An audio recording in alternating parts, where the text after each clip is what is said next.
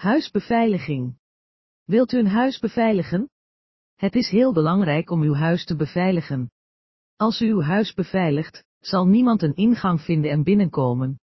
Om uw huis te beveiligen zijn er veel stappen die u kunt nemen om het beter te beveiligen.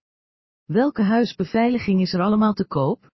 Er zijn thuisbeveiligingssystemen en er is thuisbeveiligingsapparatuur. Wat moet u kopen? Wat zijn de voordelen van beide?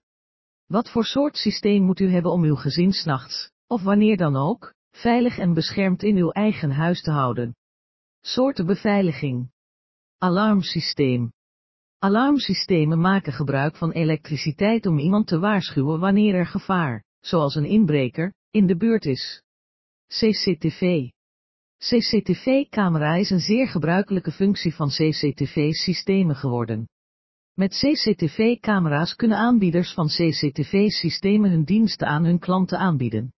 De CCTV-camera's zijn wat deze CCTV-systemen laten werken. Goed hang- en sluitwerk. Wanneer u uw huis beveiligt, wilt u er zeker van zijn dat tussen het raam en de deur, beide beveiligd zijn.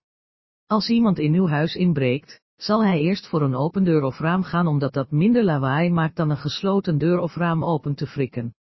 Met een beveiliging bescherm je de woning en je dierbaren tegen ongenodigde gasten.